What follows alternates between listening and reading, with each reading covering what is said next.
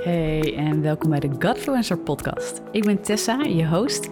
En ik dacht, weet je, ik ga er eens een leuke, korte podcast van maken vandaag. En dat ga ik eens wat vaker doen, wat mij betreft.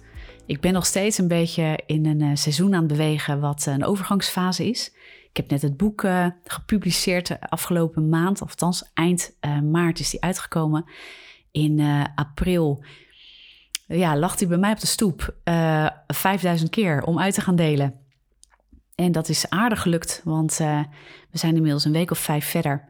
En uh, hij is ook uh, 4000 keer al de deur uit. Dus we zijn bezig met een tweede druk. En als je niet weet waar ik het nu over heb, ik heb een boek geschreven dat heet Depressie ontwapend. En of je depressief bent of niet, maar dit boek gaat over hoe je om kan gaan met negatieve gedachten, negatieve emoties, wat wij vaak kaderen als negatief, waar we in vastlopen.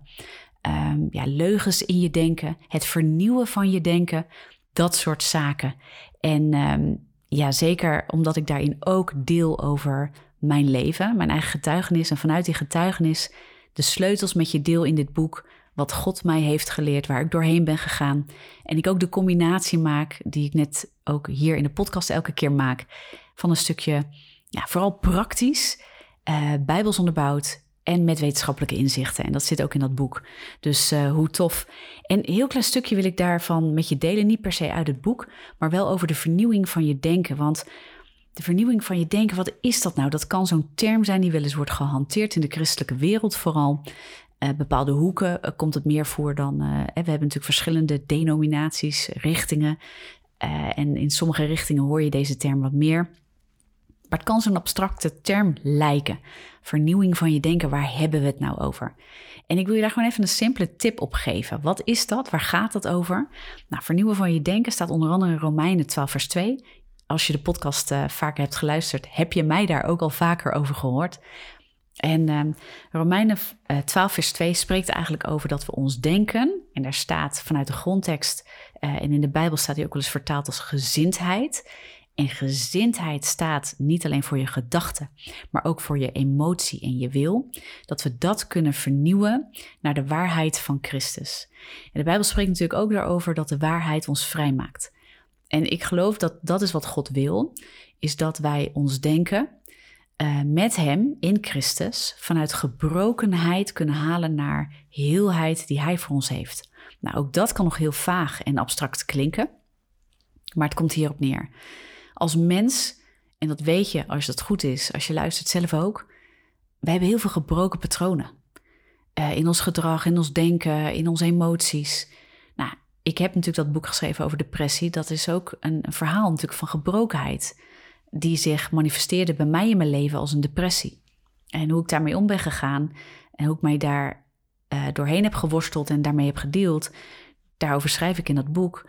En de Bijbel belooft ons dat we vanuit een leven van overwinning kunnen leven met Christus.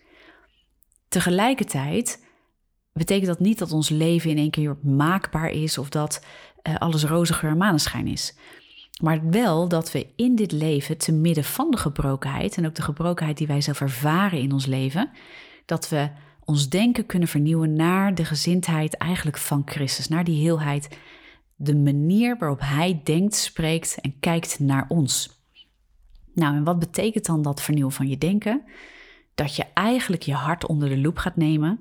Dat je gaat bekijken, wat geloof ik nou over mezelf? Wat geloof ik nou over God? Wat geloof ik nou over de wereld? En heel specifiek, wat geloof ik nou over die vervelende situatie waar ik nu in zit? Ben ik dan in staat om de waarheid van God daarover te prediken in mijn eigen leven? Ben ik nou in staat om die situatie te vertellen hoe groot mijn God is, in plaats van dat ik alleen maar uh, God ga vertellen over hoe moeilijk mijn situatie is. Ik heb het niet over het overschreeuwen van je emoties. Ik heb het niet over het wegdrukken en wegduwen en ontkennen van je situatie. Maar ik heb het over je situatie in de ogen kijken, naar binnen kijken in je hart wat je daarover gelooft. En komt wat, je, wat jij gelooft, komt dat overeen met wat God ons leert, hoe God naar ons leven kijkt. Want met Hem is alles mogelijk, zegt de Bijbel. Voor wie gelooft. En wat geloven wij dan? En dat is een proces. Dat is niet iets van hap, snap, dat doe ik eventjes. Uh, ik trek het ge geloof naar beneden, zeg maar. En uh, hop, nooit meer heb ik problemen. God wil ons leren dat te midden van dit leven, waar gebrokenheid is, en dat is nou eenmaal zo, dit leven is gebroken, dat we daarin kunnen leren met Hem op te trekken. En dat we mogen proclameren vanuit de Zijn woord. En Zijn woord keert nooit ledig terug. Dat is wat God zelf zegt. Ehm, dus hoe prachtig is het als wij kenbaar worden gemaakt met Zijn waarheid, dat we Zijn waarheid leren kennen vanuit Zijn woord, vanuit de relatie met Jezus, door geleid te worden door de Heilige Geest. Het is ook spiritueel verbonden vanuit echt die diepe relatie met God. En dat we daarin kunnen leren wat God zegt over ons leven. En dat we dan de leugens die we soms geloven en die echt als waarheden eh, door onszelf zijn aangenomen, waar we echt in zijn gaan geloven, echt als patronen ook in ons leven helemaal doordrenkt zijn, dat we die onder de loep kunnen nemen, dat we die af kunnen leggen en kunnen vervangen door Gods waarheid.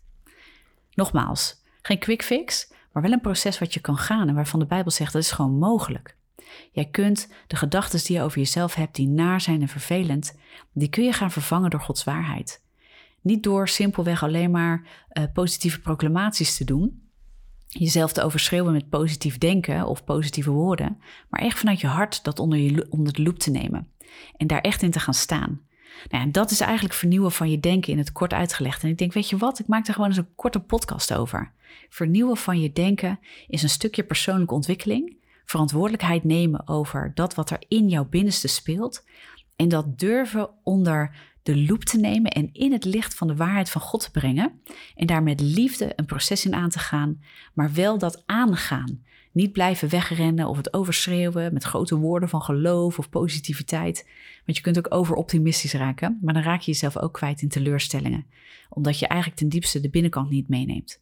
Is je binnenkant meenemen, wat je gelooft, wat je denkt, wat je doet, je hele gedrag. Waar komt dat vandaan? En die vraag durven stellen als een patroon zich elke keer herhaalt in je leven, situaties zich elke keer herhalen en jij denkt er moet iets veranderen. Het is eigenlijk ook vaak, weet je, genoeg hebben van het genoeg hebben van vervelende dingen in je leven. Uh, genoeg hebben van elke keer maar negatief over jezelf denken. En daar zo'n schoon genoeg van hebben, dat je denkt, nou ben ik er zo klaar mee. Nou ben ik er klaar mee er klaar mee te zijn. En dat zijn die momenten dat je denkt, en nu moet er wat veranderen. En dan kun jij, zegt de Bijbel, je denker vernieuwen op grond van Gods liefde en waarheid. En de geest is het die jou in relatie brengt met die waarheid, waardoor het ook kracht bijzet en echt vanuit je hart tot hart jij echt met God daarover mag strijden, mag vragen, maar ook dat mag doorvoeren. En zijn woord is levend en zijn woord keert nooit ledig terug. En dat mag je weten als je daarmee bezig bent. En daar wilde ik je mee bemoedigen vandaag. En uh, weet je, als je daar meer over wil weten, bestel mijn boek. Hij is gratis. Gratis te bestellen op tessavanos.com. En je betaalt alleen verzendkosten. En uh, nou, gewoon heel gaaf om je hiermee te bemoedigen vandaag. Ik wens je een hele fijne dag of avond, waar je ook zit in de dag. En ik spreek je snel.